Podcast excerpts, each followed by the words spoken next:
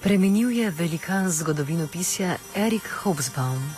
Britanski zgodovinar, rojen v Egiptu, se je v svojih delih zavezal predvsem proučevanju 18. in 19. stoletja ter marksizma, kasneje tudi 20. stoletja.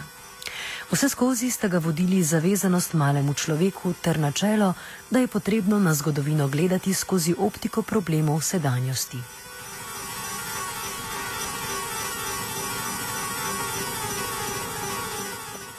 O življenju, delu in pogledih Erika Hobsbauma nam bo več povedal zgodovinar Božo Repe. Še prej pa citat iz Hobsbaumove knjige Zanimivi časi. Navajamo. Zgodovina potrebuje distanco, ne samo od strasti, čustev, ideologij in strahov naših verskih vojn, temveč tudi od še bolj nevarne skušnjave, identitete. Konec navedka.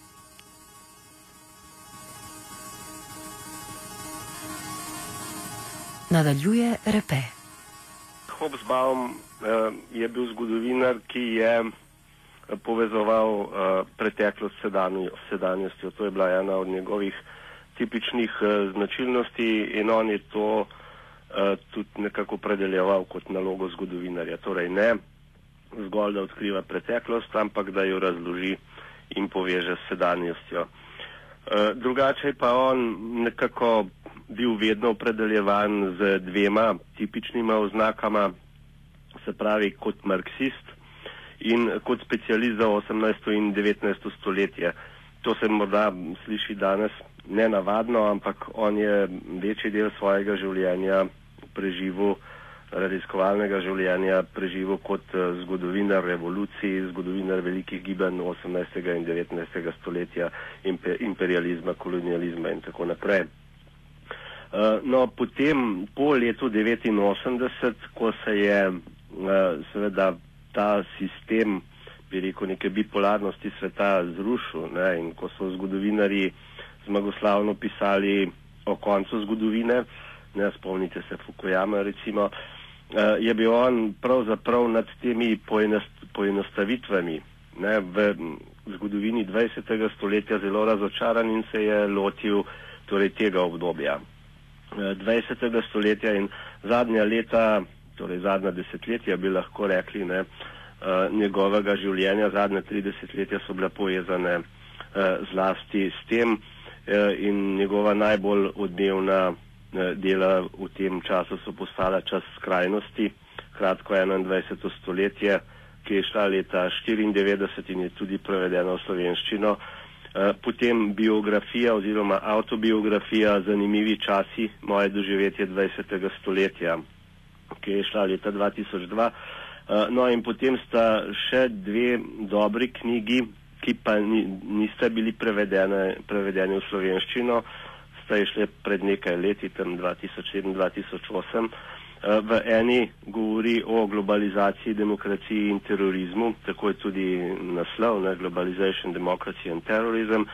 In njegova zadnja, ki sem jo jaz prebral, lahko da je še kaj napisal v tem času, je bila pa o uh, Ameriki in on je dal naslov On Empire, America War and Global Supremacy. Ta mislim, da je šla 2008. Uh, eh, no, Hobsbawm je torej 20. stoletje prikazoval nekako z dveh zornih kotov, kot zgodovinar z veliko empatijo za socialna gibanja. Hobsbawm je namreč zgodovinar malih ljudi eh, in zgodovinar gibanj. Ne, v nasprotju z drugimi, ki so v njegovem času, ne, recimo tam v prvi polovici 20. stoletja, pa tudi v drugi polovici, eh, razglabljali o vlogi velikih osebnosti, kraljevin in tako naprej, ne, se je on torej, eh, držal teze, marksistične teze, da uh, torej, eh, so gibalo zgodovine množice. Uh, poleg tega je pa seveda imel svojo izkušnjo 20. stoletja. On je nekoč zapisal, da je kibicer, ne da je to opazoval, ampak v resnici ni zgolj opazoval, je doživljal. On je doživel, doživel veliko depresijo.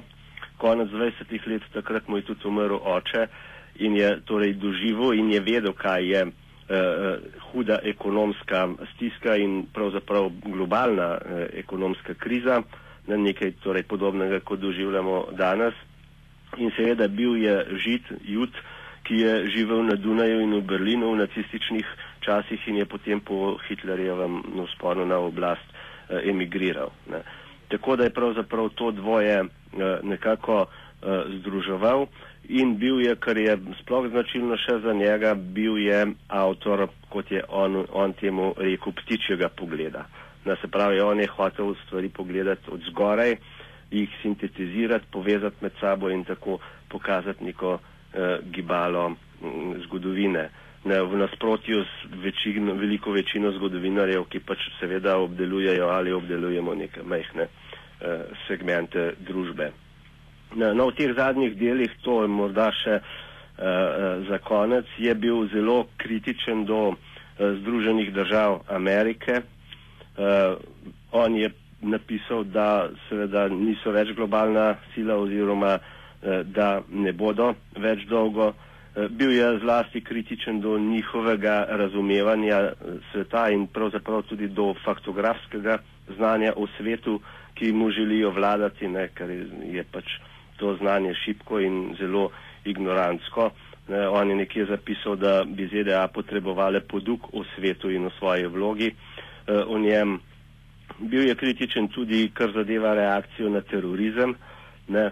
On je analiziral terorizem in je povedal, da je že, uh, torej, da terorizem obstaja že od nekdaj, da se tudi ni bistveno razlikoval od današnjega, le da je v sodobni družbi uh, morda bolj globaliziran.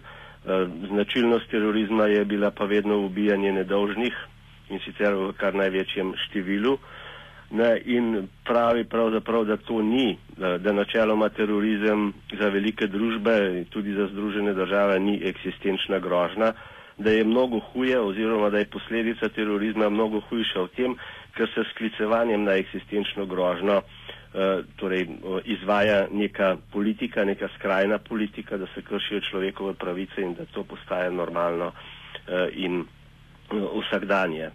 Ne, kot glavne probleme sedanjega sodobnega sveta je videl migracijske težave in protekcionistično politiko, to je menil, da bosta ključna problema v prihodnosti.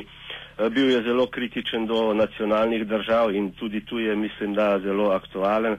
Uh, on je rekel, da se pravzaprav uh, politike v nacionalnih državah zgolj pretvarjajo, da imajo še oblast, da te oblasti že dolgo nimajo več, da so drugi vladarji Eh, v svetu, ne, ki presegajo nacionalne meje in ki se tudi požvižgajo na demokracijo.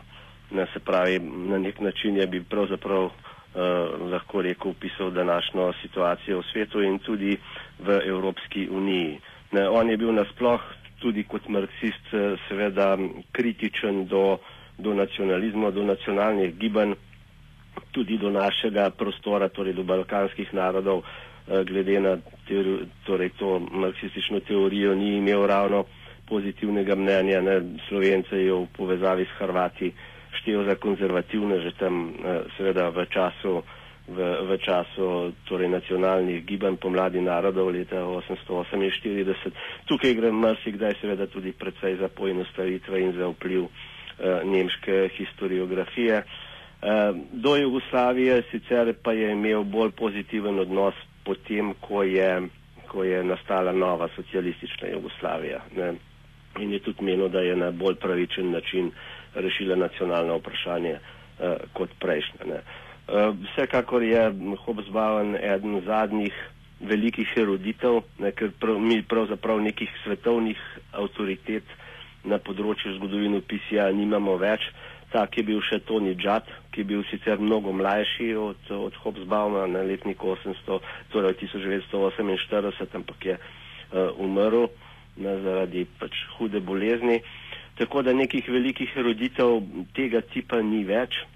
Tudi je zelo malo ljudi, ki bi imeli pravzaprav take time, kot jih je imel on, ne? ker on je vsaj v zadnja desetletja pisal s pomočjo močnih, uh, močnih timov, ki so mu pomagali ne, danes so stvari bolj ali manj eh, razdrobljene. Ne, tako da pravzaprav vsaj na v tem levo-liberalnem delu je Hobsbawm ostal praktično do konca življenja, do zadnjih let ena največjih avtoritet. Zadnja leta se je sicer malce začel ponavljati, tudi ta, te njegove zadnje knjige so pravzaprav nek skupek njegovih predavanj in podobno, ampak vendarle to, kar je te teze, ki jih je postavil, pravzaprav temu nič ne jemljajo, kakšne posebne vrednosti. Na Hobsbauma je opomnil Jankovič. Oh. Oh. Oh. Oh. Oh. Oh. Oh. Offside.